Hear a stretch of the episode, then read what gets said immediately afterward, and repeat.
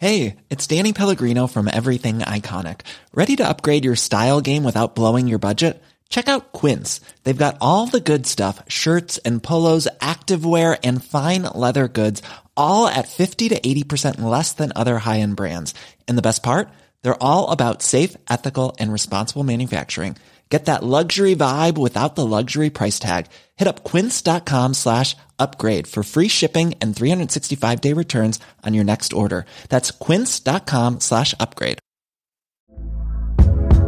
Hey there, it's Michelle Norris. I'm host of a podcast called Your Mama's Kitchen. When I travel, I'm usually looking for a way to find a taste of home when I'm not at home. And one of the things I love to do when I am at home is entertain. And Airbnb allows me to do that. When I was in California recently, I rented a house that had a great kitchen. And when we were sitting around the table, we we're all thinking, we're in someone else's house. Someone could be in all of our homes as well. If you have a home, but you're not always at home, you have an Airbnb. Your home might be worth more than you think. Find out how much at airbnb.com/slash host. Planning for your next trip? Elevate your travel style with Quince. Quince has all the jet setting essentials you'll want for your next getaway, like European linen, premium luggage options, buttery soft Italian leather bags, and so much more. And is all priced at 50 to 80% less than similar brands. Plus, Quince only works with factories that use safe and ethical manufacturing practices. Pack your bags with high-quality essentials you'll be wearing for vacations to come with Quince. Go to quince.com/pack for free shipping and 365-day returns. Er du klar for pod, Øystein? Veldig klar for pod, og i kveld så skal vi prate om et tema som er vårt hjerte nært. Ja, det er et veldig relevant tema for oss to. Ja, det er det. For, eh, Samtiden. Og samtiden, ja. Historiefortelling og historien og følelsene som en bil eh, skaper hos mennesket, det er jo et av favorittemaene våre, egentlig. Det emosjonelle som en bil eh, uttrykker, og det det gjør med oss som bilentusiaster. Ja, og hvordan det forandrer oss. Ja, Ja, vi kjører på, da. vi kjører på.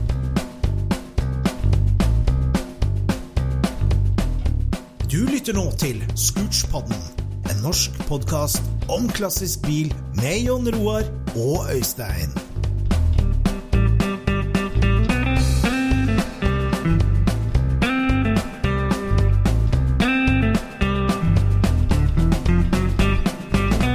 Kjære Scootspod-lytter, du kan jo ikke unngå å være interessert i patina og historie hvis du hører på Scootspoden. Og en av de som fanger det her på film og bilde, og som uttrykker eh, levd liv og bilhistorie, en som vi har merka oss med som eh, for et års tid siden kom med ei lita begrensa opplag bok som heter Ved veis ende. Det er du, Scootspod-lytter og bilentusiast og fotograf, Anders Brunvoll. Ja, ja, det stemmer. Velkommen til oss. Tusen takk. Veldig hyggelig. Ja, Veldig hyggelig å være her. Du er jo en erfaren Scootspod-lytter, har jeg skjønt. Ja, jeg tror jeg, jeg tror jeg har fått med alle Scootspodene. Ja. Ja. ja, hva skal vi si, kortversjon. 50 år, bilinteressert, og nå i siste tida veldig fotointeressert. Og, og med denne boka som ligger foran oss på bordet, en nydelig fargebok i A4-format, med flotte oppslag fra Ivansson-skroten i Sverige. For den har du forelska deg i. Ja, ja, ja, det har jeg. jeg. Jeg var jo der første gang tilbake på tidlig 90-tallet. Da så jo skroten helt annerledes ut enn han gjør i dag. Det var mye, mye mer bil. De to brødrene, Ivansson, de, de var jo i live. Og det, og det var jo en sånn myteomspunnen plass. Vi hadde liksom hørt at der inne i skogen der så sto det 49 merker i. Det, det hang liksom 32 Ford-griller inne i bygningene der og sånne ting. Og Det var til og med folkevogndeler igjen på folkevogna. til og med folkevogndeler med, og emblemer igjen på folkevognbussene. Wow! Det, ja, Ja. ikke sant? Those were the days. Og, og, um, og ikke noe av det der viste seg å stemme særlig godt. Men, men stedet, det, det brant seg jo liksom inn. Ja. Eh, og bilinteressen og det der mytiske. Og Fant ut for en eh, fem-seks år siden at eh, nå er det på tide å dra tilbake igjen. Og ta med fotoapparat. ta med fotoapparatet, for da hadde fotointeressen eh, tatt seg opp veldig. og jeg har alltid vært fascinert for ja, bil, selvfølgelig, og tekniske ting. Ja. Og da var jo det et fint sted å jobbe og, og komme seg tilbake igjen. Og, og ble egentlig ganske overraska, fordi jeg, jeg tipper at i hvert fall en tredjedel av bilene var jo borte. Ja. Eh, og, og bilene var jo langt mer ribba enn jeg huska de på, på 90-tallet.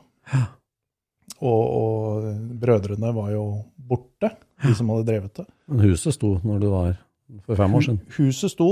Uh, nå er ett av de brent ned. Ja, sånn. Ja.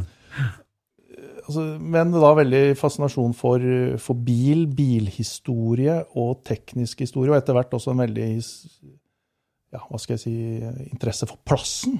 Mhm. Og bakgrunnen og historien til plassen. Mhm. Så begynte jeg å fotografere. Mhm.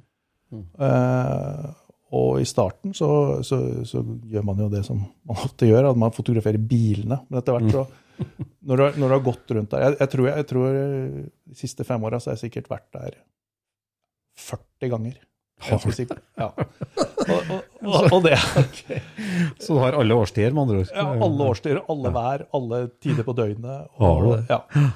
Og, men etter hvert, da, når du har gått rundt og sett dette her, ikke sant, og ser andre bilder fra plassen, så, så liksom når du ser et bilde, så vet du hvilke to biler som står ved siden av, og, og alt sånt. Men da begynner du å se andre ting. Mhm. Mm.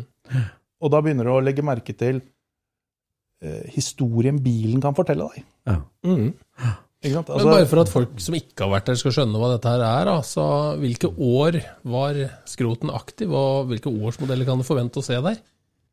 Ja, altså, eh, dette her ble jo starta på 50-tallet, vel, som et slags bilverksted. Ja.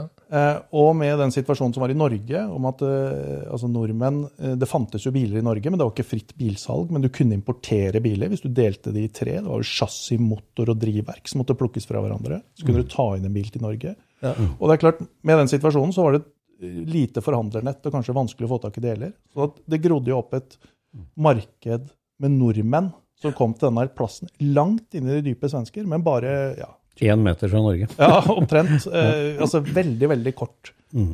eh, avstand til Norge. Så, så det var jo, de så jo plutselig et eh, marked for å selge deler og biler til nordmenn derfra. Så det er, det er jo biler som var Kall det utrangert, kollisjonsskada, ble bytta ut i den delen av Sverige.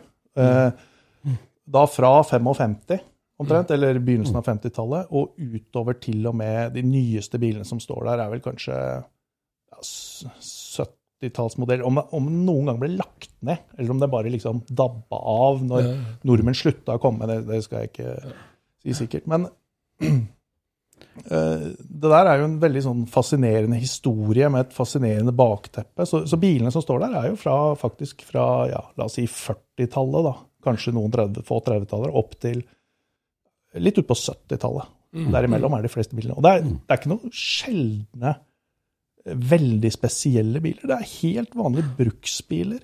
Medelsvensson. Medelsvensson sin første bil, antageligvis, i stor grad.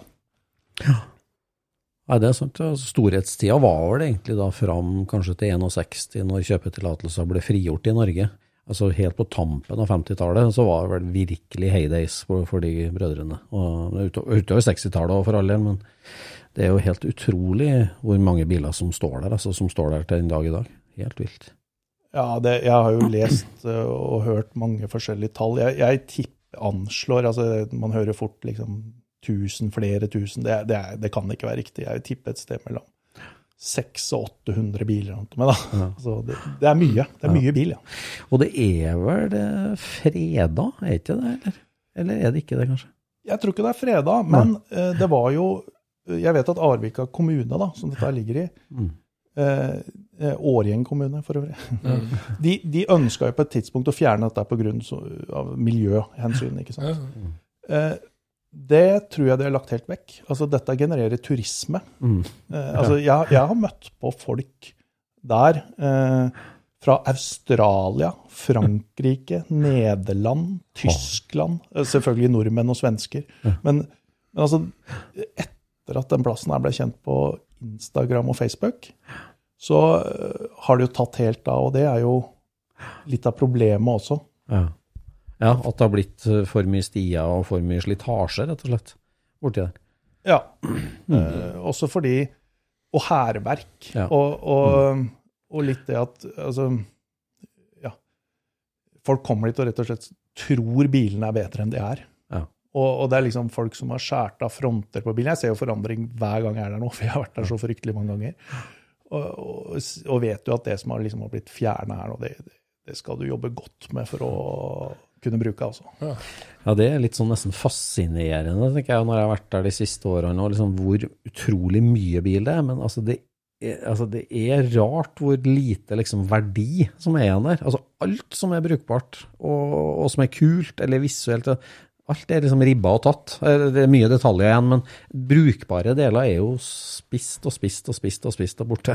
Jeg husker jeg var der i 98, og da skulle vi kjøpe en baklem til en, eh, en folkevognpickup. Og da var det jo ikke noen på gården. Nei. Men eh, så fant vi noen i nabohuset litt lenger ned i veien, og de sa at han bor på aldershjemmet nede i eh, byen, da. Og dit er vel Er det to mil, eller én mil? Eller det er veldig langt, i hvert fall. Ja, ja, det er nok nærmere to, i hvert fall, for det tar en 20 minutter å kjøre innover der fra Ja, så kjørte vi helt inn der, fant han, og så gjorde vi avtale med han at vi skulle kjøpe den lemmen, og kjørte tilbake ut der for å ta av den lemmen. Og når vi fikk den lemmen av, det rasa rust rundt inni den der lemmen. Den var ingenting å ha. Og så måtte vi kjøre tilbake da og rett og slett betale for den, for da, nå hadde vi jo tatt den av. Men det var liksom Sånn foregår det ikke lenger nå borte. Nei, nå tror jeg Fritt vilt. Fritt vilt, ja. Ja, det er fritt. Men det er faktisk eh, Det er jo noen slektninger etter disse gutta som, som eier dette her fortsatt. Og eh, det står jo oppslaget at hvis du ønsker å kjøpe noe, så står det et telefonnummer. Men, men det blir vel neppe fulgt opp, og jeg tror Ja, jeg, jeg tror vel ikke folk nødvendigvis følger det. Eh, jeg syns jo det er synd at ting ikke får stå i fred av andre grunner. Altså, for det første, delene er ja, Det kan ikke være mye brukbart der. Eh, og jeg, jeg syns jo det er synd at ting ikke kan få stå og få lov å være som det er. Ja. Men du har, i boka di så har jo du fanga noen fototekniske og biltekniske perler likevel, som du sier. Det er ribba og det er borte og sånn, men du, har, du, du, du er nede på detaljnivå og greier å fange en stemning og et uttrykk og et, eh, ja, et levd liv, liksom. Hvordan, hvordan ser du Ivansson-skroten gjennom kameralinsa nå?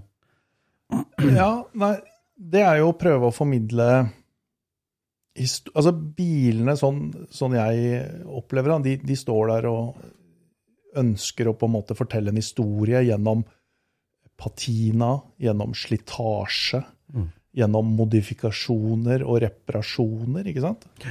Eh, Og prøve å fange den biten av det, og fange det at så når noen har reparert en bil, så forteller det noe om hva den bilen var verdt for den personen. Eh, ikke sant? Og, og, og litt, altså dette her er jo biler fra en tid hvor man kan regne med at veldig mange av de var den første bilen til den eieren. Ikke sant? Og, og, og den må ha betydd enormt. Ikke sant? Den, den ga frihet, samtidig som den kunne føre til stygge ulykker. Den må ha påvirka hvordan folk altså Tenk deg hva, hva slags innvirkning det har på samfunnet vårt med planlegging. Altså, I dag, hvis man skal bygge en tomt, det første du gjør, er å lage innkjøringa. Ja. Bilen. Og så plasserer du hvor garasjen og huset skal stå. Ja, så viktig er bilen blitt. Og, og det må jo ha vært statussymboler, ikke sant? Stor investering for en medelsensor. Ja, og det må ha gitt muligheter. Bare tenk deg ferie, når du plutselig kunne hive hustelt og porselensserviser på taket og klærne i bagasjerommet og kjøre av gårde i Sverige og oppleve liksom, det, Vi som liksom er vokst opp med bil, vi, jeg tror ikke vi skjønner hvor stor endring det der må ha vært på folk. Mm. Og, og prøve å se spora av den verdien og den eh, Hva skal jeg si Ja. ja, Av det der som skjedde på den tida. Det prøver jeg å fange. Ja. Mm. og sikkert med, vellyk, eller med varierende grad av vellykkethet. Men, men, jeg, men jeg prøver å liksom se det. da. Ja, for vi, vi bladde litt her eh, innledningsvis, og nå, nå sitter vi og ser på et bilde her av dashbordet på en Saab. Rattet er knekt, og rattstammen er knekt. Hva, hva, hva ser de på bildet, Anders? Ja, altså hvis, hvis vi ser en, eh, et, et dashbord, ja, deler av et dashbord, mm. på um, kilometertelleren, så mener jeg å huske at det står 1732 km. Altså det er en ganske ny bil. Ganske ny bil. Eh, rattet er knekt, rattstammen er knekt, dashbordet er bulka, og speedometeret står på 80 km i timen, og klokka er eh, ti på fire. Det er en ganske heftig historie. Det er heftig historie. Svensson på vei jo hjem fra aldri. jobb. Mm. Ja, jeg vet jo ikke hva som skjedde, men, eh, men det, er, det er liksom en sånn Det er en sterk historie likevel. sterk historie. Mm. Det ligger noe sorg bak det vraket der, sikkert. Eller, ja, potensielt. Sannsynligvis. Ja, og det, det greier og, og da må du jo altså Da kan du ikke bare gå de store stiene blant bilene hos Ivansson. Du må jo dykke inn og krabbe inn nærmest i bilene for å, for å se det der. Altså De fleste ville bare gått forbi. Hvor står speedometernåla hen på den sabben? Det, at du greier å fange Du har et blikk da, for å plukke opp. Ja, men det der er på en måte en slags prosess. Mm. Når du er på en plass så mye. For de første gangene så gikk jo jeg også bare rundt Mm. og så på bilene. ikke sant? Mm. Og se på Volvoen og Fordene og Opelen og folkevognene. Mm. Eh, Men så, når du liksom har blitt kjent, så begynner du å, da begynner du å legge merke til andre ting. Og, Mm. og det er jo en ting som kamera hjelper deg med å fokusere, altså bokstavelig talt. Eh, Du ser andre ting gjennom et kamera Mm. enn når du bare går og ser på det. Og det at du går og leter etter motiver, det Mm. gjør også at du ser på plassen og bilene med et annet øye enn hvis du ikke sant, Mm. raser bare gjennom eh, plassen, da, for å si det sånn. Mm. Mm. Fantastisk. Det er jo artig å analysere sånn slitasje, da. Altså det, det er jo det vi, man gjør når, når man er nødt til å gjenskape patina og sånne ting på, på en hobbybil òg. At, eh, at du liksom må ha litt innsikt i hvordan sånne ting oppstår, og, og en litt fantasi. Og det er jo det de bilene gjør. Den egger jo fantasien. Ja, og jeg, jeg liker jo det, for det, det er historiefortelling. ikke sant? Det, det forteller bilens historie, og bilen får lov å fortelle sin historie. Det syns jeg er kjempeinteressant. Og da, Hvis du da trekker en parallell til de som lager patina, da, eller som, Mm. ja, Du skal være god hvis du skal få til det på de riktige stedene. Ja, ja. Og, og liksom få de riktige overflatene. for man, Du ser på det, men du må også, patina må du kjenne deg på. Det er struktur. Ja, det er struktur, ja, ikke bare visuelt. ja, det er struktur, det er fordypninger, det er småbulker. det er Altså liksom mitt hele ankepunkt til riktig patina er jo at den skal, eh, patina er aldri riktig. Den er egentlig alltid feil, og det er derfor vi mennesker ikke klarer å gjenskape den. For vi gjør det riktig. Ja, så er det jo sånn, altså, når vi tenker pa, eh, nyskapt eller nylagd patina, så er det jo så veldig lett å tenke lakk og solbleika og slitt etter albuen og i pakkene. Bare, s- eh, Vi sitter og blar litt i boka her, og et bilde jeg festa med det er jo innerdørhåndtaket på kanskje en Fiat, eller? Husker du hva slags bil? Det er en uh, Ford Anglia. Ford Anglia. Ja, det måtte være noe engelsk.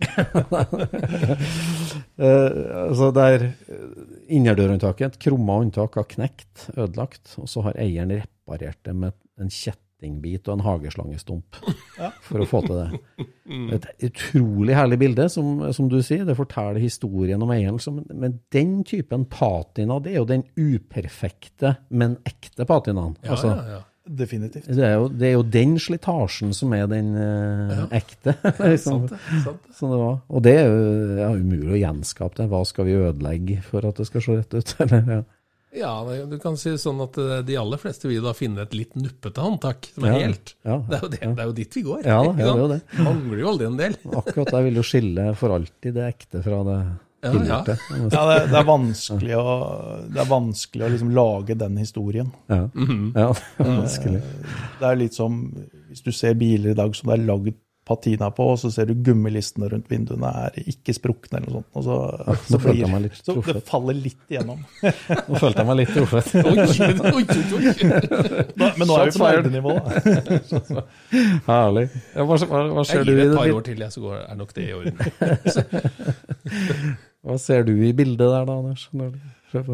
Jeg ser en historie som forteller noe om eh, verdien og hvor dyrt kanskje det var å ha Altså hvor verdifull en bil var. Jeg mener, I dag så hadde jo alle gått til nærmeste forhandler, så hadde de kjøpt et nytt dørhåndtak. Så hadde de skrudd på det, så hadde de aldri sett at det var gjort en endring. I dag hadde de kjørt bilen til verksted, og dem måtte Ja, bytte ja ja, ikke sant? Dette her forteller om noen som Det har sikkert kosta dem mye å få tak i den bilen her. Og når du, når du velger å ta en kjettingstump som du slipper gjennom et, en hageslangebit, og så skrur du den fast med de originale festene i dørtrekket igjen, så, så er det noe med at du vil bevare.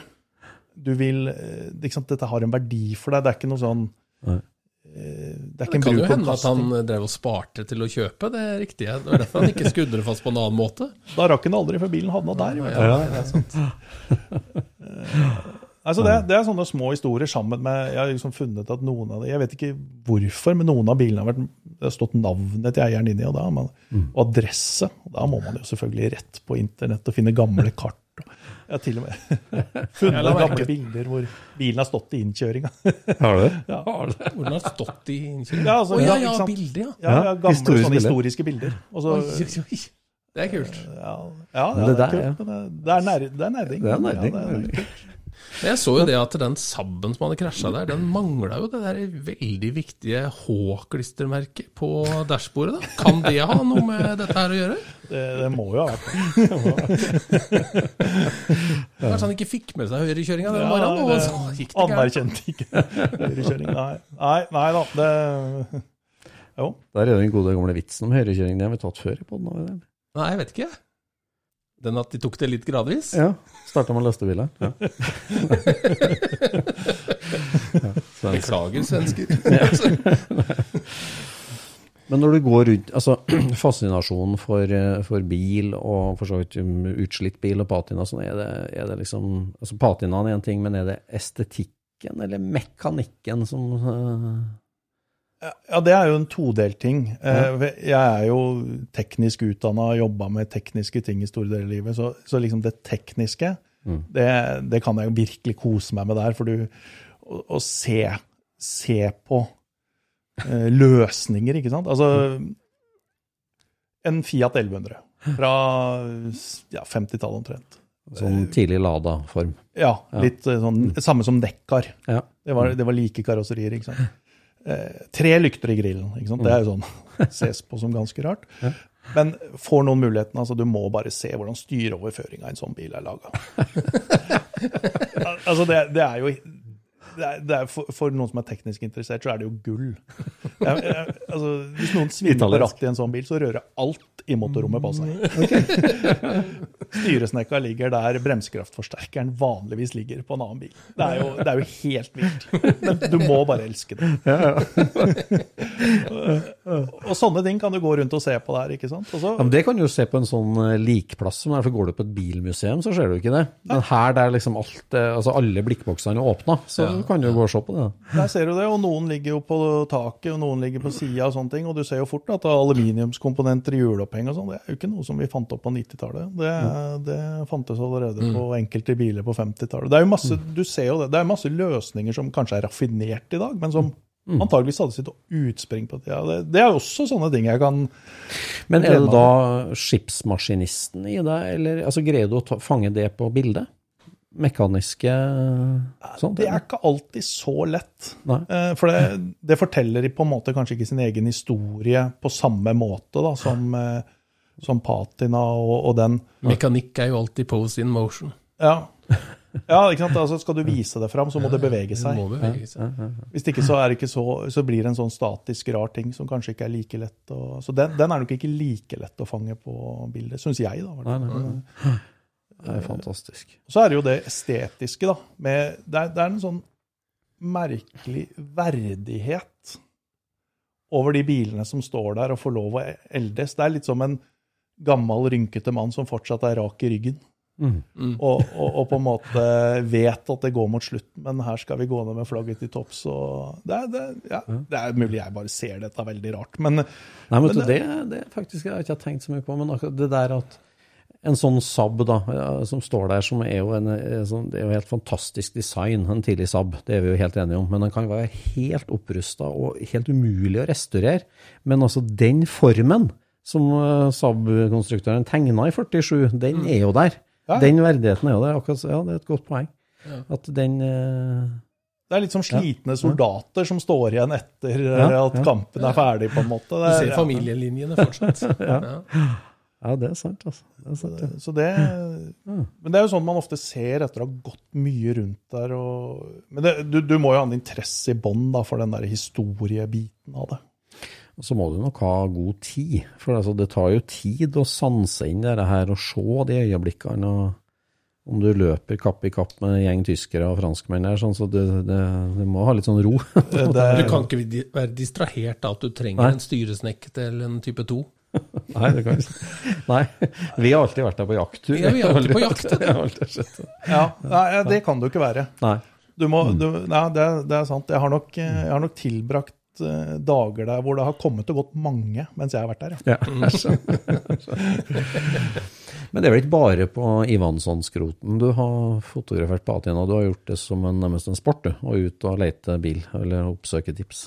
Ja, ja, jeg gjør det. Eh, og, og, og det er, det er, men det er jo det samme. Uh, man liksom, det er historien da, som bilen ønsker å fortelle. Ja. Uh, etter hvert så opplever jeg at det begynner å bli vanskelig å få tak i gode tips, da, for å si det sånn. For man blir, det, mange holder jo korta tett, og det er jo, det er jo forståelig. For blir i dag en relativt komplett bil oppdaga, så tar det jo ikke lang tid før han enten blir vandalisert eller, mm. eller, eller rundstjålet.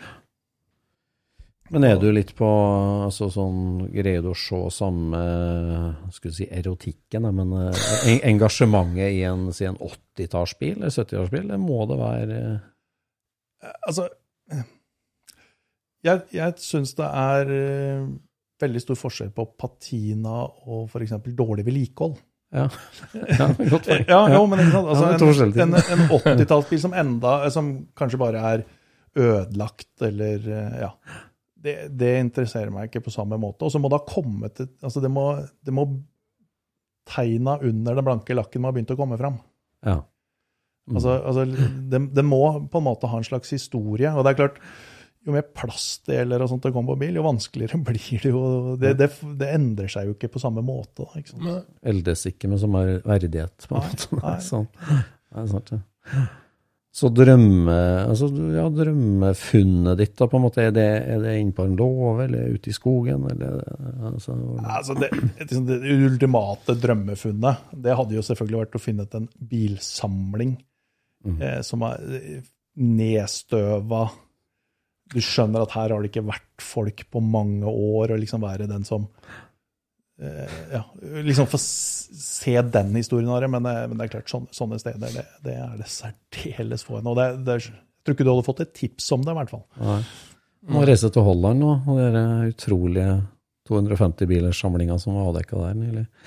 Ja, det er for øvrig en jeg kjenner, han fotografen som har fått lov å fotografere det. Han, hadde han sendte meg en melding. Her skulle du vært. Å, herregud. Ja, Vi hadde blitt i minst 14 dager. Ja.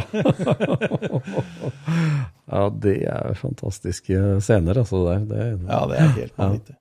Ja, et sånt mausoleum av, av ålreite biler, og ikke vrak, liksom. På en måte som eh, ja. Ja, altså Biler som har fått lov å eldes og få lov å fortelle historien sin. Mm. Det, Ja, for det, vi er jo litt innpå. Altså den, den derre brukspatinaen og reparasjoner og sånt, det er jo én ting, men det derre stå ute i 50 år-patinaen er jo eh, en annen ting, på en måte. Men, eh, ja, så, det, det er jo det. Men mm. det- altså, det er jo et snev av sånn naturen tar tilbake. liksom Følge en utvikling også. Men, eh, men eh, det er ikke den jeg er mest opptatt av. Det er liksom den derre Det er det å se detaljene i, i bilene. Da. ja, herlig, herlig. Har du noen tips du skal ut på nå, nylig, eller kommende vår? Det er jo perfekt tid. Løvet av, og Ja, jeg har jo ingenting eh, på blokka akkurat nå, men, eh, men det er klart, altså, ser man et uh, hogstfelt, så, så må man jo stoppe. Eller eh, i hvert fall uh, titte. Så det kjapp, altså det at blokka er tom, så betyr at du, du er kjapt på pletten når du får et tips, da. Altså, Ja, da. du Ja, jeg, jeg prøver i hvert fall det. Ja, ja. Det er viktig. det. Er, altså er jo, men, men det som er, er at man kan ofte reise tilbake til mange av disse plassene. Fordi eh, ikke sant, type vær, type årstid, type ja, Ting endrer seg, og, og da uttrykket endrer seg, og du finner liksom plutselig ut at oi, nå skulle jeg fotografert den Chevroleten der i en litt annen vinkel. og ja. Det, er, det, det er mange fasetter av det der. altså. Kult. Veldig bra. Vi skal, skal ha med et eksemplar av boka hjem, har jeg tenkt. Kjøpe deg. Det skal vi få til. For, eh. Men egen hobbybil, da, Anders? Hva skrur du på i garasjen? Uh, bruksbil? Nei, jeg har jo ikke egen hobbybil. Du har ikke en hobbybil, du. Du er Nei. så bilinteressert, men har ikke egen hobbybil. Ja, det stemmer. Eh, ja. Uh, litt sånn uh, dårlig erfaring med å ha hobbybil. Oh, dårlig erfaring? Ja, ja, nei, altså, jeg gjorde jo den klassiske tabben en gang i tida. Jeg var, ja, jeg var kanskje 17 år da. Mm. Kjøpte meg en uh, bil og hadde jo store ambisjoner og store planer, og det her skulle bli kjempebra. En, den gangen så var det jo amerikansk, da, som var det som lå nærmest hjertet. En Rambler av alle En Rambler, ja. Ja, hørte ja. Ja. En uh, 660 Classic. Oi. Hvordan ser den ut? Ja, det Det er er ganske stor 63. Ja. Uh, den er større enn Rambler American. Det er, ja, stor. Perfekt ungdomsbil, eller 17-årings. Ja, Uh, og så gjorde man jo selvfølgelig den tabben at eh, man hadde jo dårlig råd, ikke noe ordentlig sted å stå og sånne ting. Og så, ja, så blei det jo mer en byrde enn en glede etter hvert. Eh, Ja, men altså, hva får en 16-åring til å dra på seg en svær Rambler? da? Hvor starta den, liksom? Aftenposten. Aftenposten, ja. Nei, nei altså, ikke sant? Det, er jo, det er jo en bilinteresse i bånn her. Og, og, og vi har jo liksom ja, vært gjennom hele, hele rekka med Tamia-biler, Apache-sykler. eh, og, og ja, så lenge jeg kan huske, så har jeg vært bilinteressert. Og jeg har jo blitt fortalt i voksen alder at eh, de få gangene vi skulle ta taxi da vi bodde i Oslo, så var det veldig viktig for meg at det var en amerikansk bil som kom. Ja, ja, ja, ja. Um, eh, noe det veldig sjelden gjorde. Men eh, også er jo vokst opp etter hvert på, på Lørenskog og, og nær, i nærheten av Strømmen og Lillestrøm, med det bilmiljøet som var der. ja. 4. Og juli og Ja, 4. Juli og, og liksom Veikroa i Strømmen og Shell-stasjonen i Strømmen, og liksom hvor alle møttes, og vi sykla rundt med bakoversveis og kortbukser og så på disse her mm bilene her, ikke sant? Og det er, det er jo på en måte utvikla seg den veien, og så får du lyst på en sjøl, og så får du akkurat sparte sammen nok penger til å kjøpe en bil, og, og veldig lite penger til å Fikse.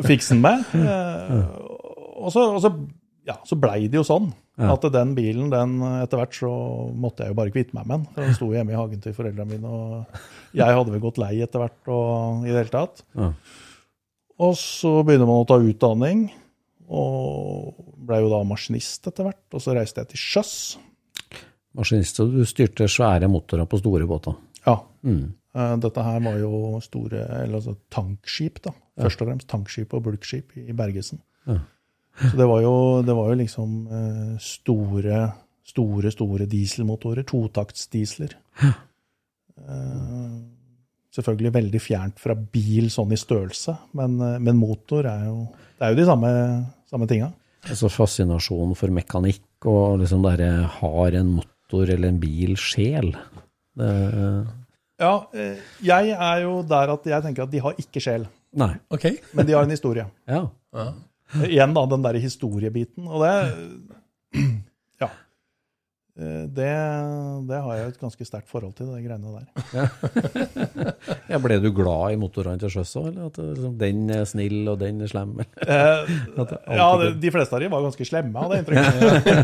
Eh, men, eh, nei, men ikke sant, det er, no, det er noe med altså, De største motorene jeg var på Du får jo større motorer enn dette, men de var jo på eh, ja, ca. 40 000 hestekrefter. Det er noe med, de, de kan jo kjøres manuelt med et slags gasspådrag, da, hvor du står på motoren og, og kjører. Det er ganske spesielt å dra en spak og, og få 40 000 hester til å lystre. Altså. Det er definisjonen på makt. Så ja. Ja. Eh, og, men det er klart, da var det jo helt uaktuelt å ha en bil. ja. Eh, Da, da var det liksom, da var det ikke tid og sted og rom til å følge opp. Og, ja, sånn at, eh, og når jeg kom tilbake, så hadde jeg vel egentlig bestemt meg for at det, det blir garantert ikke noe bil før man har tid, penger og sted. Ja. Uh, og ja, Men kompisene dine på, på Strømmen, de hadde bil. de hadde bil. Ja. Og jeg har jo alltid hatt veldig mye kompiser i kall det bilmiljøet, da. Ja. Og vært mye rundt. Ja. Ja da, og vært på biltreff og var i mange år eh, veldig mye med på dragracing, blant annet. Ja. Hadde en kamerat som kjørte eh, dragrace i supergass. Ja. Sånn eh, indeksklasse, 990-indeks. Hvor vi, vi var mye Mantorp i Sverige, Gardermoen, Tønder, Valle, ja, rundt sånne steder. Ja. Det, det er Og så var jo du ute sammen med han kompisen din og, og kjørte med mopar òg. Ja, vi har vært mye ute og kjørt mopar. Ja. Tenker du på noen spesiell opplevelse? eller? Nei, men eh, jeg blei jo etter hvert eh, kjent med deg når du begynte å jobbe på, på gamle arbeidsplassen min. Ja, Mm. Og da hadde jeg ei boble som skulle samblåses. Da var vi oppe hos en kompis av deg. stemmer. Ja. Nå er vi tidlig i 2000-tall, nå? Er det? ja, det er nok 2004 eller noe sånt nå, kanskje. Fem. Ja, Der omkring. Ja. Um, og da Det var en eh, Mopar-kar. det, det var en moparkar, ja. ja der, eh, Han hadde meninger om folkevogn, og det hadde du òg. ja, du veit, på den tida der så var jeg ganske eh, hadde, hadde Meningers mot. Ja, da hadde meningers mot og store skyggelapper. ja, ja, ja, du erkjenner det.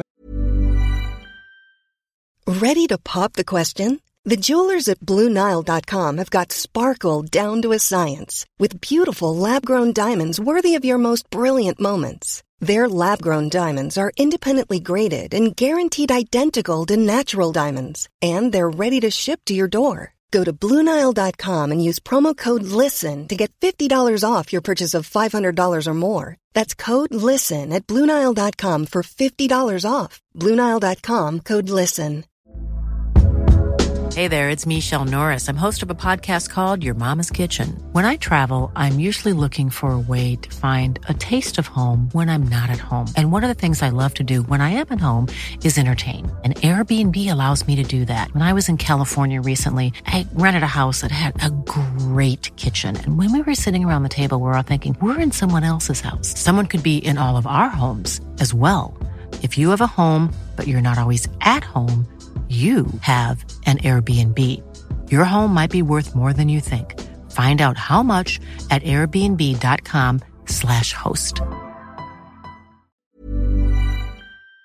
Ja, det var, det var jo altså Man blir jo farga av ikke bare folk rundt seg, men altså, altså fortsatt så er det et moparhjerte der, da, for å si det sånn. Ja, det er Altså, ja. ja da, og, og det er klart, hvis vi snakker muskelbiler og sånn, så mener eller så syns jo jeg fortsatt at mopar er har liksom det, det Det er råeste. smalt likevel, det, altså. Det er- ja, det, det er litt smalt, det òg. Ja, det, ja, ja, visst er det smalt, men det, det har jo utvikla seg, da. Heldigvis, kanskje. Ja. Ja. ja, men du, du havna vel altså Dragracing, hva, hva fascinerte deg der, liksom? Er det trimming, eller altså mekking, eller? Altså, det er, det er, jo, det er jo mye det tekniske, altså med tanke på, på motor. Altså det, det, det, er liksom, det er en veldig enkel greie. Det er, du skrur sammen en, eh, et kjøretøy, slenger ned i en motor. Veldig stor frihet i hva du kan gjøre, ikke sant? Og så er det om å gjøre å få dette til å flytte seg raskest mulig. Og, og, og indeksklasser og sånn er jo fornuftig, for det er jo en måte å begrense utgiftene på med sporten. ikke sant? Altså, Du skal ikke kjøre fortere enn det. Hvis ikke så hadde jo alle sikta mot toppfjul, og da hadde det vært veldig få som drev med det. Men, men, eh, men det er noe med den derre den biten der, da. Jeg, jeg tenker at liksom dragrace er vel kanskje noe av det nærmeste vi i dag kommer de opprinnelige hotroddera. Det er jo klart, det er jo derfra det kommer òg, men det er liksom den der mentaliteten der liksom Mm. Skjær ned til et minimum. Størst mulig motor. Best mulig feste. Ja, Og. Og bang for the buck. ja, bang for the buck, og dra av gårde på grønt lys. Ja, ja, ja. Det er noe som fascinerer meg, og den, ikke sant, bare den lukta, lyden, alt det der, der det er ja Ja. Ja, hotrodda har du òg en plass til hjertet ditt, vet jeg. Ja, eh, jeg har jo det. Mm. Eh, Det var jo noen år hvor um, jeg, ja, jeg var aldri en del av hotrod-miljøet, men, men jeg var mye rundt på hotrod-treff og frekventerte liksom, ja, det en del. Og det var jo de hotrodene som vi har blitt kjent med i dag. ikke sant? Strøkne biler, Mm. eh, svære aluminiumsfelger. Eh, billet mye på den tida, i hvert fall. Mm. Eh, og, og liksom en sånn egen kultur rundt det. eh, ser vi litt annerledes på hotrod i dag enn en det der. Og det Ja, men det var jo litt sånn storhetstida til hotrod i Norge, på en måte, tenker jeg. Det var jo mye som skjedde da. Mange som brukte mye penger på hotrod og bygde i den stilen og den tida der. Altså midten Absolutt. på 2000-tallet. Det var jo et artig sted å være i Norge, tenker jeg. Som, eh, ja, Absolutt, og det er jo fantastiske biler. altså Det er jo fantastiske håndverk. Det er jo, det er jo kjempe altså All kred til de som har bygd både eh, chassisen og karosserien og alt mulig. Det er jo det, er, eh, det er helt utrolige greier. Men, men i dag så fenger ikke det like mye. Den gangen hadde jeg jo kjempelyst på en sånn bil. Ja, ja. Eh, I dag så er jeg ikke der. Jeg syns hotrodding er eh, kjempekult, men jeg, jeg ser det på en helt annen måte. da. Ja, hvordan skulle den sett ut i dag, da, en hotrod til Brunvoll-garasjen? Ja, Hvis jeg skulle ha tenkt på det, så er det liksom, det er liksom to veier, da, tenker jeg. Eller to hotrod for meg. Det er det ene eller det andre, på en måte. Det er litt den nostalgi, eller det er den nostalgibiten. Enten at du bygger det sånn som de ble bygd, på 50-tallet f.eks. Og ikke det veldig strøkne, men ikke sant, du, du rensker ned inn med en stor motor. eh, bruker det delene, felgene, bremsene og sånt som, som fins på, på andre biler. Eller så er det mentaliteten hotrodding. Eh, for de gutta som holdt på den gangen, de hadde ikke bygd 32 Fordre i dag. Nei. Nei. Nei, det hadde de ikke gjort, altså. De, de, de, det var jo om å gjøre å få mest mulig bang for the buck. Ja, det var ikke noe nostalgi der. Nei, det var ikke noe nostalgi som drev de. Og, og, og sånn sett så er kanskje dragracere det nærm, nærmere hotrodderen.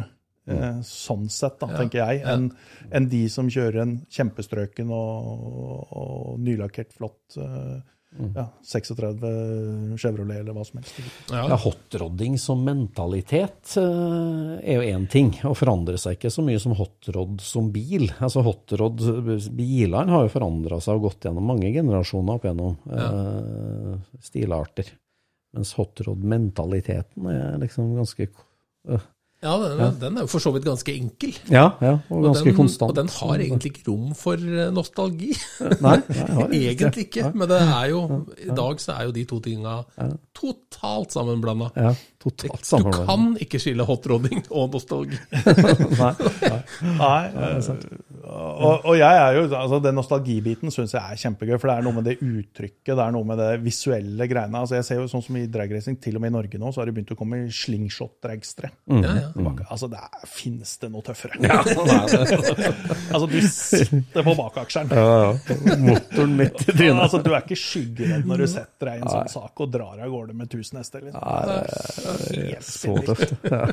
Ja, det, er, det er de tøffeste gutta i gata. Så ja, det er- Ja. Selv da med begge beina i hotrod-miljøet i en periode, da, så du, du kjøpte deg ikke noen bil og hadde ikke noe sterkt behov for å skulle ha det? Altså, egentlig.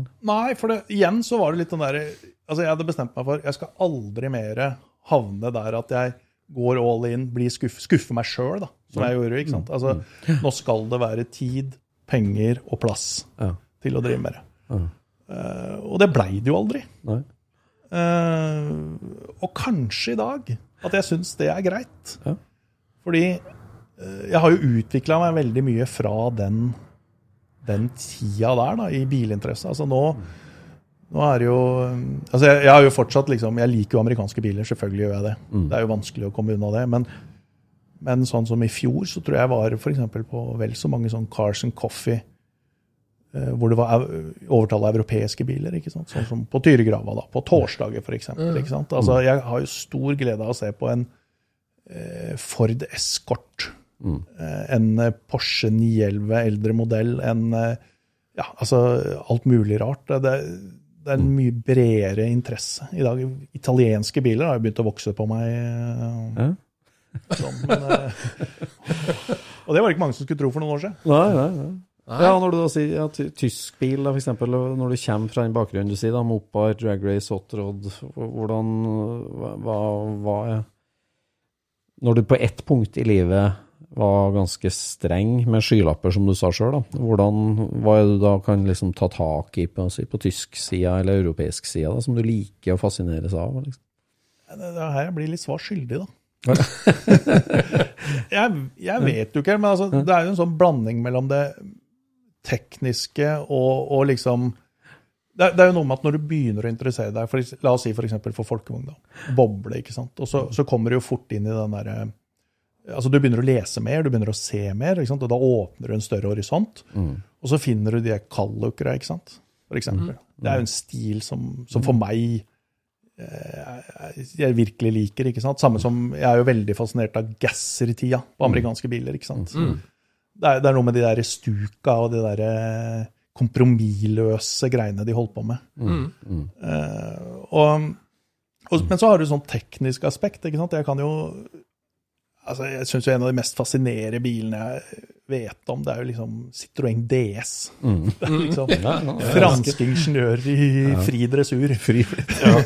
Eh, og, og samtidig som dette her kom i 1955. Helt Altså det, det er en bil som i dag hadde vært forut for sin tid på enkelte områder. Det, er jo, det er jo sånn altså, Helt vilt. Den Helt vilt. tekniske biten av meg, den maskinisten, da, syns jo det der er super eh, skal si, spennende, superinteressant. Ja, men det er som du sier, se liksom det større bildet. Lese litt historien og bakgrunnen og tenkinga bak det, ikke bare se bilen. Uh, og så tenker jeg da at når du liksom ikke binder deg til en egen hobbybil, at du liksom ikke investerer energi og tid i å bygge en eskort, for da, da må du liksom tro på eskortreligionen all in, og, og i en periode. Det er klart du har noen som greier å selge bilen hvert eneste år og fornye seg og gå fra Citroën til Chevrolet, kan jeg si, på, så, men, men du er jo veldig fri og frank da, så når du ikke gifter deg med én hobbybil. Så Ja. kan du hoppe som du vil. Ja, og, og jeg tror jo kanskje det at jeg ikke har hatt en hobbybil, er noe som har utvikla syn på hobbybiler. da, for å si det sånn. Og så, og så tror jeg også fotograferinga, for det, det er noe med det at du får et annet syn på detaljer. Altså, du ser ting du ikke vanligvis, eller kanskje ikke ellers hadde sett, da, når du ser på en bil. Eh, igjen, da, altså det der Citroën-en. ikke sant? Altså, jeg vet ikke hvor godt eh, man kjenner de, men ja, bare bremsepedalen i en uh, Citroën DS, det er jo Det er jo bare så sprøtt, ikke sant? At det er sånn Ja, det, den der liksom tekniske biten av de greiene der, det er, det er superfascinerende. altså. Så tenker jeg også det at når du tar bilder, så er jo det å male med et kamera, ikke sant. Og hvis eh, du skal male noe, så er det veldig mye mer moro hvis det har form. Eh, og at du kan liksom da finne eh, en vinkel, et lys, skygger, støv, rust, whatever, som gjør at formen kommer tydelig fram i bildet. Og du kan liksom, ved å vri litt på kameraet her og der, så kan du liksom få det til å poppe enda litt mer. mer. Ja. Og og hvis du da skal ha som begrensning at jeg skal bare ta bilde av muskelbiler fra 64 til 72 fra Mopar, så blir det liksom Du har så lite å spille på. Så da er det lurt å se litt over dammen og litt rundt forbi. Og liksom Hva har mye form? Hva, hva kan jeg liksom gjøre ut av det jeg fant? Ja, absolutt. Eh, og, og det er jo en del av det fotograferinga gir deg, da. Når, når, du, når du ser på sånt. Og det, ja, ja det er, men, det, men akkurat hva som er driveren for at interessen har kaller det endra seg, eller utvida seg, eller modna, eller hva man kaller det, det, det er jo vanskelig å si, men det, er- det er nå sånn, da. Ja, men sånn er det mange altså, i vår generasjon. Da, som, som, eh, vi har jo snakka om den storyen med liksom, Apache-sykkel, Tamia-bil, Amcar sto sterkt, og amerikansk bil sto sterkt. Og så, har- så har vi liksom modna og forandra seg. så det, det er jo, det er jo hy veldig hyggelig å se. Du nevnte Carson Coffey, den forbrødringa og fellesskapsfølelsen bilmiljøet nå liksom opplevd de siste fem-sju åra. Det er helt utrolig. Ja, og jeg, jeg opplever jo at det er jo ikke bare f.eks. min interesse som endra seg. Altså, før så var det mye mer merkefokus. Ja, og, Eh, og og jeg, jeg opplever i hvert fall miljøet som mye mer skal si, åpent eller, eller nysgjerrig på hverandres biler. Da. ja, virkelig. Eh, og det, det tror jeg jo liksom er med å, å dra hele, hele miljøet. Ja, for mekanikk og industri fascinerer deg jo, for du, du har jo fotografert en eh, mye gamle industribygg og mekanikk og sånn, så en, en, en lysbryter på gammelt hydroanlegg er like fascinerende som i Saben. Absolutt. Ja. Det, det er det der med Altså, jeg, jeg har jo ramla i den nostalgigryta på et eller annet tidspunkt, ikke sant. og, og, og så har jeg funnet ut at jo eldre du blir, jo, jo mindre blir jo ikke det greiene. ikke sant? Det er, det er noe med at du, du husker det fra du var liten, og nå ser du det igjen. Og det er slitt. Og du, du liksom du, du, Altså når jeg går rundt på Jeg har vært mye i Fredrikstad verft, eh, som har vært nedlagt og fotografert der. og jeg når jeg går rundt der, og det jeg ser, så hører jo jeg hammerslag og sveisebuer og Ja, ikke sant, i det hele tatt. Det er jo sånn, jeg blir jo helt eh, Ja. Det er jo en sånn nostalgitripp. Ja, ja. Nei, altså, det, altså Industrihistorie er en ting, men altså det med menneskeskapt ting. Menneskeskapte ting. Altså, vi snakker om industrihistorie, men for at naturen og naturfotografer, det er jo noe som fornyer seg hele tida. Det klart, fjell og stein er jo stille og rolig, og har patina, kan du si, men, men det, det vokser, og det blir fornya og fornya og fornya, og liksom forvitrer jo ikke hen. Men menneskeskapte ting gjør jo det. Og, og det er jo nettopp den historien, tenker jeg, at liksom den lysbryteren inne på verftet i Fredrikstad, som, som er, den er, den er designa av noen, den er lagd av noen, den er brukt av noen, og nå råtner den opp, liksom, eller forsvinner. Det er fascinasjon. Altså Hvis du skal trekke parallell til bilverden, da. Hvis de, og nå må jeg bare snakke for meg sjøl. Hvis jeg går på en bilutstilling, og så ser jeg én strøken 59 Cadillac, så er jo det for så vidt en interessant bil å se på. Når jeg ser to, Mm. så begynner jeg å kjede meg. Ja. Ja, for at, eh, ikke sant, du, Hvis du står og ser på en ny bil, da, Mm. eller sorry, en nyrestaurert bil, så, så, så, så snakker du ikke om historien på bilen, for den viser jo ingen historie. Nei. Det- Det blir mer snakk om hva kosta det å lakkere den, hvor lang tid brukte du på det. Altså alt annet enn selve bilen. Mm. Mens hvis du, stå, hvis du står og ser på en, en bil med en bulkete bakskjerm og noen skader her og der, og sånn, så, så begynner man jo fort å prate. Jeg lurer på hva denne har vært igjennom. Mm. Ja. Da blir det den bilen, og ikke én bil. ja, det er sant. Det, det er den store forskjellen for meg. da. Det. Da, og det, det er også mye mer interessant å, å feste på film. Mm. Ikke sant? Den bilen. Én bil, det, det kan man jo alltid Ja, du kan jo alltid, du kan jo alltid på, altså Hvis bilen er sjelden, og du kan si at dette her er en av elleve produserte det i året, og, og sånne type ting, men da krever det at det står et menneske der og forteller historien til bilen. For bilen forteller egentlig ingenting sjøl. Den står bare der. Mm. Mens en bil som er liksom eh, full av bulker og ryper og, og sånt noe, og har norske skvettlapper, den forteller en god del om seg sjøl. Absolutt, og jeg tenker jo at det, ja, folk må gjøre hva de vil med det de eier, men, men for meg så er det jo nesten liksom altså Det er jo det å, det å pusse opp en bil med en historie. Altså, Du må jo holde en teknisk stand, og det må jo, liksom være, det må jo være noen sånne minimumskriterier. Men det å, det å gjøre en bil strøken, Mm. Det er jo for meg eh, Hvis den har en historie å fortelle. Sant? En gammel racerbil. Kjøper, kjøper Cadillacen til Elvis, og så første du gjør, er å eh, gjøre om interiøret. Lakke bilen og sånne ting. Det er jo, det er jo ikke bilen til Elvis lenger. Nei, nei. nei. Gjør den som alle andre Cadillacer. Ja, nei, ta det- være ja. Ja, for det er jo bulkene, den eh, skakke hjulbua det er, liksom, det er jo det som forteller hva denne bilen har opplevd. Og, og hvis det liksom er identiteten til bilen, så, så er det jo I det øyeblikket du pusser opp det, så, så fins jo ikke den historien lenger. Hvis eieren glemmer den historien, så er det jo ingen som vet det lenger. Nei, Nei, kan ikke fortelle historien til bilen da. Nei. Det viska ut. Men nå, da, kan du si, du sier nå har jeg plass, nå har jeg tid. Er det ingen sug etter hobbybil? Det kommer jo selvfølgelig fra tid til annen, men det er liksom ikke noe som fester seg. Det er jo, det er jo alltid biler man kunne tenkt seg, men som er liksom utafor rekkevidde.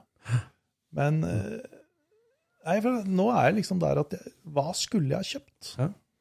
Hva, hva Jo da, det er, det er mange biler som jeg liksom tenker at det, det hadde vært morsomt å hatt. Men, eh, men er jeg villig til å Mm. bruke midlene og sånt på det? Jeg vet ikke. Det, jeg, har, jeg har kanskje større glede av å ja, fotografere det, og gå og se på det og snakke om det, og, og snakke med eiere og sånne ting, og med biler med historie. Liksom. Det, jeg, vet, jeg vet ikke. Det, er- det er et sånn uh, merkelig forhold jeg har til det. Ja, ja. ja herlig. Men vi i Skurspodden vi anbefaler i hvert fall ingen å ikke ha hobbybil. Nei, men jeg syns, jeg syns det her er et veldig godt eksempel på hvor godt man kan ha det med bil da, uten å ha bil. Altså, og, og det er jo det, altså, tenk, på, altså, tenk, altså, tenk på han Ketil Solvik-Olsen som åpna Oslo Nei, som var hos oss på Scootspoden på Oslo Motorshow og snakka om at liksom, bil er en av få hobbyer du kan ha hele livet. For at det er så mange måter å utøve den på, liksom. Det er sant. Eh, sa liksom, ja, musikk og bil er liksom to ting du kan ha i livet. Og, sånn. og det, at, du, at du kan ha så sterk bilinteresse og så mye perspektiv på bil, eh, uten det haslet med å måtte betale for det, lagre på det, flytte på det og dytte på det, er jo fascinerende. Jeg, synes det, Ja. jeg har liksom tenkt at det nesten ikke går an. Det er helt konge. Ja, For du sier at du bruker jo masse tid på bil, sier du? Masse Ja. på bil. Jeg skjønner jo det å kjøre rundt i Norges land og lete etter fotosteder, men Ja, eh, det er jo én ting. Ja. og, og på YouTube, lese litteratur. Jeg er jo kjempeinteressert i historien til eh, bilmerker og forskjellig sånn. Ja. Eh, men, men, det, men det trigger liksom ikke nødvendigvis det derre eietrangen. Nei. Eh, og jeg, det er jo mange som også har bil, men som på en måte Den står jo bare i garasjen. Ja. Altså Det er jo nok av disse her eh, sjeldne bilene som, Mm. som ikke er ute. Og det syns jo jeg, synes jo jeg er ille. Altså Skal man ha det, så må det brukes. Mm. Men, eh, men eh, Nei, jeg, så kjenner jeg meg sjøl såpass godt at jeg vet at hadde jeg kjøpt det, så jeg tror jeg kanskje hadde gått lei ganske fort. Mm. Mm. Ja, det tyder jo på at du er liksom er, har evnen til å fornye deg og evnen til å se nye perspektiv hele tida. Det at du er som er den utålmodigheten da, egentlig som driver deg videre. Ja, de, dere som eh, I, i podden så har dere snakka mye om dette her med jakta. Jakta på en bil. Men, men det er jo akkurat det jeg driver med òg. Ja. Bare at du skal ikke ha med Men jeg skal ikke ha med meg. Nei.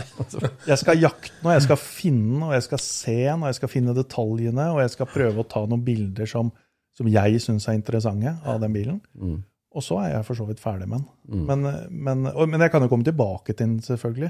Mm. Om, for det skjer jo rett som det er, at jeg reiser tilbake igjen til biler jeg vet om. Og, ta, og, og liksom tenker at nå skal jeg gjøre det litt annerledes, eller prøve å finne en annen historie. Men du har vel drevet litt med catch and release du òg, Øystein? Har du ikke det? catch and release, jo- Ja, altså, jeg har fotografert veldig mye um, tidligere tider, for det Jeg er liksom vokst opp med eh, Så faren min begynte å samle biler på 60-tallet, og han var veldig tidlig ute med speilreflekskamera og tok mye bilder av, eh, av skogsrak og låvebiler da, og starta en spalte i Amcar som heter Vintage Tin, der han la ut skogsrakbilder, liksom. Og i det kompisgjengen hans da, så var det så mye prat om spennende biler de har funnet og sett, og der var det som Men ingen tok bilder. Da, Faren min var en av de få som tok bilder, så jeg liksom vokste opp med at herregud, alle de fortapte historiene av Sjusæter Packarden som sto eh, på Stord, som dro ut av låven. Liksom, Fins det ikke bilder her? Det er jo helt sjuke scener, liksom. Så jeg forbanna meg veldig på at jeg skulle ha med kamera alltid på jakttur. Da. Jeg jakta for å finne et bytte å ta med hjem, men jeg tenkte jeg skal i hvert fall ta bilder av alt jeg finner. Så jeg har ganske mye diaser som må skannes og tas vare på der. Det, Men det var nok mer Og det, det fascinerer meg med de bildene jeg ser nå, liksom de perspektivene dine, Anders, med at du, som, ja, du greier å ta de detaljbildene som, som bidrar til å fortelle den historien. Jeg var mer sånn dokumenter. Eh, 47 Cadillac, 52 boble. At det skulle liksom dokumenteres hva det var for noe mer da, på bildene. Så det er herlig eh, Og det er jo der det begynner, tror jeg. Men det begynte jo med meg også. Og så er det noe med at du må, du må se det før du ser detaljene. Ja, ja det må, Eh, Og historiene, ikke sant? For de kommer jo poppende litt sånn gradvis Ja. på deg. Ja. ja, Anders, for at eh, når du står og ønsker deg amerikansk drosje, så tror jeg egentlig at du tenkte på eh, Egon Olsen. Han ble også veldig ofte henta i amerikaner. For nå er vi ganske nære Olsmannen, er vi ikke det? ja. Ja, vi, vi har jo en link. Eh, Ja. Jo da. eh, For det første, Olsenbanden-filmer er jo kjempegøy, og det er jo liksom Oslo sånn jeg husker det fra liten. Eh, Det er Ja. en ting. Men, Og biler vi husker så vi er liten. ja, Ja. men eh, min mor jobba jo i Teamfilm. Ja, Ja. eh, Produksjonsselskapet og filmselskapet som lagde Olsenbanden. akkurat. Ja. Eh, ja, og, og det førte jo til at eh, Selvfølgelig så var jo dette her stas. Masse effekter hjemme, masse Olsenbanden-plakater og sånne ting. Men vi var jo også med og så på noen innspillinger av noen scener i Olsenbanden. ikke sant? Og det, Ja, ja. det her var stort. Fordi, fordi det var jo ikke en svær operasjon, det der sånn. Altså, det var jo et lite, et lite team og noen skuespillere som laga disse filmene. Ja, det hadde nok vært en litt større produksjon i dag, ja, hvis den skulle ha gjort det. ja. Ja, var du tett på bilene, så liksom bilinteressen kommer litt derfra, eller? Jeg var ikke sånn veldig tett på bilene, men jeg husker jo at av og til så var vi innom kontoret. Dette her, Da lå Teamfilm i nabobygget til Blitz, eller i samme bygård som Blitz ligger. Og, og der var det en, eh, en bakgård, og der sto jo de der bilene som ble brukt i filminnspillingene. ikke sant? Noen av de de sto jo av og til inni der. Ja. Eh, spesielt, i, altså De var jo sponsa av bl.a. Toyota, og de nye bilene sto jo aldri der. Men dem- en del av disse gamle sto av og til inne i det portrommet der, og det var jo kjempestas. ikke sant? Å komme dit som eh, liten guttunge, og liksom Der er bilen. Ja. Ja, ja, ja. Men sa du ikke også det at uh, firmabilen deres var svartemaja? Ja, eller de, de, de fikk jo ikke Altså, noen av de politibilene som ble brukt i den filmen, hvis jeg husker riktig, da, eh, det var jo ikke politibiler. Sånn at det var biler de malte opp som politibiler. Ja. Og, og blant annet noen av de folkevognbussene, det var jo biler de, de eide. Ja. Og de sto jo der eh, imellom filmene, og, og også, eh, hvis jeg ikke husker det, etter. Sånn at når dette her ja, Teamfilm ble borte på et tidspunkt, og da mener jeg det der ble overført til noe som het VCM-film. Jeg, jeg husker ikke akkurat historien der, men da, da var jo det en, en bil som ble brukt, blant annet vi flytta et filmlager og noe greier. Det var jo, kjørte rundt i en gammel Olsenband. ja mora di sin rolle i teamfilm, da? Nei, hun var jo Ja, var det hun egentlig gjorde? Hun var jo sånn ja, litt sånn alt mulig. Jobba jo sammen med Knut Bovim, da, som var eh, regissør. Ja. Og så jobba hun i Teamfilm, drev vel og styra med litt sånn praktiske ting. Og litt sekretær og litt regnskap og litt sånn forskjellig sånn. Så, Kult. Ja, det er jo en materie vi må inn i på en scootspod, det. Alle Ja, biler. Ja. Olsmanns biler. Mm. Det forma, forma meg i hvert fall, Ja, lite grann. det var det er mye Impalaer og gamle Chevroleter. Ja, det er det. Ja, ja, ja. Litt patina kan du også si at de hadde, visse av de her. Bra med patina. Det var sånn halvrestaurerte greier den gangen. Ja. Mm. Du liker jo å liksom betrakte, når vi snakka om og du har vært innom mange deler av bilhobbyen og liksom betrakta og vært med og sett og observert, på en måte. Jeg husker jo en periode der jeg ble kjent med deg, der du, der du satt og betrakta under pseudonym, og mente en del og mente en del om deler av bilhobbyen. Oi, oi, oi. Skal vi dit, ja? Her kommer det blåveiser. Ja, ja. For det her var jo på forumtida på tidlig 2000-tall. Dette var forumtida, ja. Der vi, eh, vi andre hadde et artig Nei, altså, altså, vi hadde jo eh, et fantastisk tid på forumet på tidlig 2000-tall. Det skjedde Altså, det var flere hundre innlegg om dagen på disse forumene, ikke sant? Ja, men Det har vi jo lært oss tenker jeg, med, gjennom gjester vi har hatt i Scootspoden. At liksom, Mm. vi har denne fellesnevneren med, med Apache-sykkel og Rough Rider og olabil. Mm. Men forumromantikken fra 2000 til 2006, Mm. eller sånt, den har jo alle. altså Fransen Racing-forumet til og stemmer. NDRG. og Det var sånn, det- i hvert fall i Norge, så var det sånn forumfetisj i nesten alle leirene. jeg, tror jeg var i mange land, altså. Jeg tror Ja, det det. det. Det, Men jeg, jeg bare husker det at eh, altså, hver gang det var liksom sånn et eller annet spennende som foregikk, ikke sant, så, så hadde jo jeg eh, et antall eh, kollegaer som var mer eller mindre interessert i bil, eller som var interessert av det tekniske, og, og jeg elsker jo å finne ut hvorfor jeg tar feil. Jeg elsker jo jeg, jeg kaster jo ball på enhver vegg jeg ser, for å se om det spretter tilbake, ikke sant? Så, så jeg husker jeg har jo drøfta uendelig med kløtsj og utvekslinger og all verdens med Anders her, da. ja, for dere jobba sammen og satt ved siden av dere? Ja, Vi satt vel ikke ved siden av hverandre akkurat, men, eh, Nei, men- men vi møttes veldig ofte. ja, ja. Og plutselig så dukka det jo opp en på det forumet som til enhver tid traff akkurat der han ikke skulle treffe. og han het Four on the Floor og hadde jo enorme baller. ja. Det der er jo Det der begynte jo selvfølgelig som en spøk, men det gikk jo helt eh, ut av proporsjoner etter hvert. Fordi Ja, for du lagde deg en konto jeg lagde meg en konto. For du kunne jo være helt anonym. Ikke sant? Det var jo helt umulig for andre å finne ut hvem det var. Eh, Og så lagde jeg en konto. Eh, Den het Four on the Floor. Ja. var interessert i folkevogn. og, og, og på en måte la ut noen, eh, noen lokkebiter, da. Så, så jeg For å kødde med Jon Roar. for å, det her var helt bevisst. Og, og det tok jo ikke lange tida før uh, Four on the Floor hadde fyra opp Jon Roar. til Han står oppe på kontoret mitt og sier det er en skikkelig idiot på nettet. Og han er helt uh, Han eh, lurer på hvem det er. Og, ja, og kjørte på videre. Og så blir det jo sånn at det ble jo flere som ble engasjert i de her diskusjonene etter hvert. Ja. Og så, og så til slutt så måtte jeg jo fortelle Jon Roar eh, hva som var greia. Eh, ja, ikke bare det, vet du, men de som var administratorer på de forumet, ringte jo til meg. For de sa Du, er det du som driver og har alle disse kontoene? Det er i, samme IP-adressen på deg som alle disse bråkemakerne. Ja, lagde du flere da? Dette? Nei, jeg hadde bare en, men det var jo flere.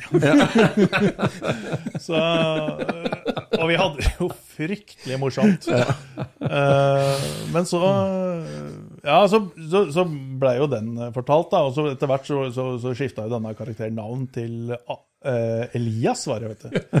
Ja, ja, ja. Ja.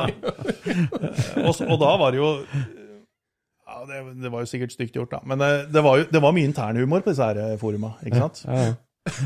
Og, og da visste jeg jo hvilke knapper jeg skulle trykke på for å, for å røre rundt i det òg, da. vet du. Og så blei det jo etter hvert da den siste profilen som kanskje Så jeg tror ikke jeg visste at det var deg, før eh, du plutselig dukka opp som Tony China. ja, Da, da visste jeg det var deg. Når Tony China kom Jeg, jeg, jeg har liksom et sånn merkelig forhold til Tony China. Det er, eh, det er jo ikke meg, men det var jo ført i pennen av meg. Ja. ja, Tony China ble jo en eh, figur på Det var en figur. Jeg vet ikke om dere husker det, da, men han blanda seg aldri inn i sånne Det var, det var stort sett tekniske tråder. For det, det var liksom det det begynte med, da, det var også å prøve å ta livet av noen sånne forummyter.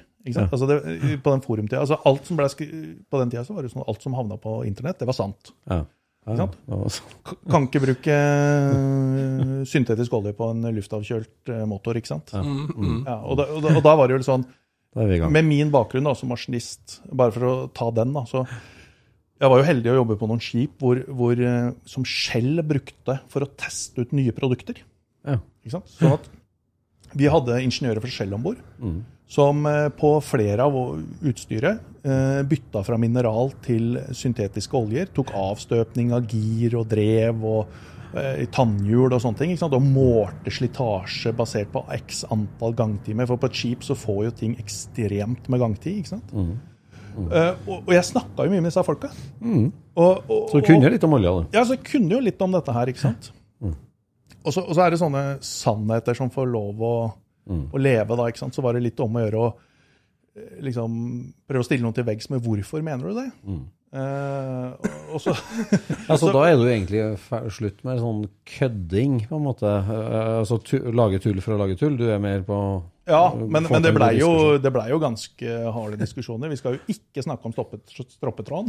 Som vi, Vi skal ikke snakke om stroppetråden. Men, men, men, eh, men ikke sant, det var jo sånn Når ting begynte å på en måte altså, ikke stemme i forhold til fysiske prinsipper og liksom sånne ting. Altså det er, på et forum så er det alltid en masse folk med masse forskjellig teknisk kunnskap og, og bilkunnskap generelt. Og det er vi selvfølgelig ingenting gærent i det, og man er jo der for å lære.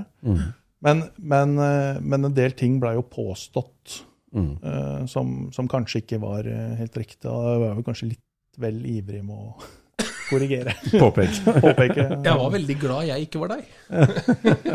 Ja, det, det, det gikk jo bra, da. Ja, veldig fin tid, det. Veldig fin tid.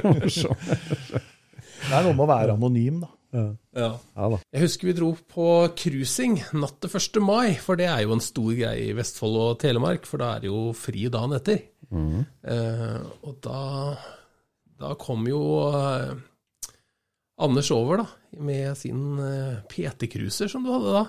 Ja, ja. Det er jo jo hobbybiler, på en måte. Det er på en Altså bruksbil, men ja. Ja, ja. Og så, eh, og så var vi eh, to andre fra folkevognmiljøet og meg. Så dro vi på cruising. Og vi hadde det jo veldig trivelig hele kvelden. Ja. Og så var det vel ikke før vi parkerte tilbake i Sandefjord vi skulle gå av, at eh, det kom fram at eh, vi hadde sittet på med Tony China. da var det hakeslepp på. Nei, og så tror jeg vel egentlig vi landa på at han var nok en ganske hyggelig fyr likevel, sjøl om det var at hadde gått litt hardt for seg på nett. Det var ikke godt likt. Det, det, det, ja, det, altså, det der var jo eh, altså, Jeg tror ikke sånn i trolling var funnet opp som uttrykk ennå den gangen. Nei. Det er kanskje greit. Men det var et sånt. Dette. Ja, eller jeg prøvde vel ikke å være det, men det var vel, var vel eh, Det skulle vel ikke ligge så store rom for misforståelse av hva som ble sagt. Det, Relativt tydelig. nå irriterer jeg meg over folk som oppfører seg sånn. Ja, ja. Innen sommeren 2023 nå, Anders, er det, er det bare skogsleiting, eller er det noe treff plotta inn, eller? Jeg prøver å få meg, jeg er jo glad i Tyregrava. Ja. Eh, Og de treffa som er der, det, det syns jeg er trivelig. Det er jo alltid kjentfolk der. Og, Mm. eh, og mye bil, Mm. eh, om ikke annet. Og mye, mye variert. Mm. De siste, det er jo liksom Ofte nå så har det vel vært veld, sånn førkrigs- eller sånn altså veldig tidlige biler på mandager. Ja. Og så har det vært eh, amerikansk på tirsdager, motorsykler på onsdager, og, og liksom alt Mm. mulig på, på torsdager. Og Mm. jeg merker jo at det torsdagene er jo de jeg faktisk syns er mest interessante. Det, er rart det der med det amerikansk. Jeg, ja, jeg liker jo amerikansk fortsatt, men, eh, men det, er, det er mye Mustang og Corvette. Ja. Og det er liksom begrensa hvor mange av de du skal se, og det fortsatt er spennende. Mm. Og da, hvis du går rundt der da blant 200 biler på en torsdagskveld, eh, er det de slitte Furet Værbit du stopper opp, eller? Ja, ja, det er jo det. Eller, altså, de må jo ikke være sånn patinerte sånn, men de, altså sånn helt strøkent, nypolert, Mm. eh, store aluminiumsfelger, lavprofildekk. Det er altså, Jo da, jeg kan jo like å se det, men det er ikke det, er ikke det som jeg blir stående og se på. Det er, eh, det er mer de, de bilene som, ja, som- som er brukt, som er bruksbiler, som, eh, som liksom Mm. har litt mer å by på med historier. Da. Mm. Selv om jeg, jeg fotograferer veldig lite der. Da. Jeg tar, det, er liksom, det, er, det er et veldig vanskelig sted å ta bilder men sammen med masse annet. Det blir, Ja, det blir det blir, det er ikke noe Men, eh, men det er morsomt å, å se de. Mm. Mm. Nei, det er herlig. Det var veldig hyggelig at du svingte innom Scootspoden og prate om boka di, og prate om din lidenskap. Vi har åpenbart mye til felles. Ja. Ja. Så får vi håpe at du fortsetter å lytte på Scootspoden. Ja, da, det, det kommer jeg til å gjøre. Absolutt. Og takk til deg som hører på episoden. Og takk for i dag. Takk for i dag. Ha det bra. Scootspodden produseres av SSC Media, med god hjelp av VV Norge og Trond Dahl for hosting, Knut Micaelsen for musikk. Abonner på Scootspod via podcaster eller Acast, og følg Scootspod på Instagram og se det vi snakker om. Der kan du også komme med kommentarer og innspill, og fortelle oss hva du vil høre om.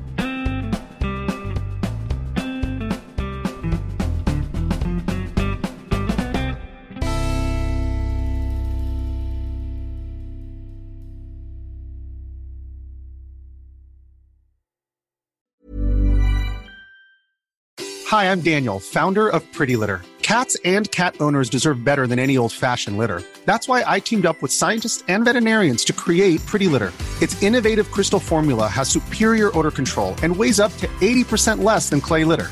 Pretty Litter even monitors health by changing colors to help detect early signs of potential illness. It's the world's smartest kitty litter. Go to prettylitter.com and use code ACAST for 20% off your first order and a free cat toy. Terms and conditions apply. See site for details. Planning for your next trip? Elevate your travel style with Quince. Quince has all the jet setting essentials you'll want for your next getaway, like European linen, premium luggage options, buttery soft Italian leather bags, and so much more. And is all priced at 50 to 80% less than similar brands. Plus, Quince only works with factories that use safe and ethical manufacturing practices. Pack your bags with high-quality essentials you'll be wearing for vacations to come with Quince. Go to quince.com slash pack for free shipping and 365-day returns. Mom deserves the best, and there's no better place to shop for Mother's Day than Whole Foods Market. They're your destination for unbeatable savings, from premium gifts to show-stopping flowers and irresistible desserts. Start by saving 33% with Prime on all body care and candles. Then get a 15-stem bunch of tulips for just $9.99 each with Prime. Round out Mom's menu with festive rosé, irresistible berry chantilly cake, and more special treats. Come celebrate Mother's Day at Whole Foods Market.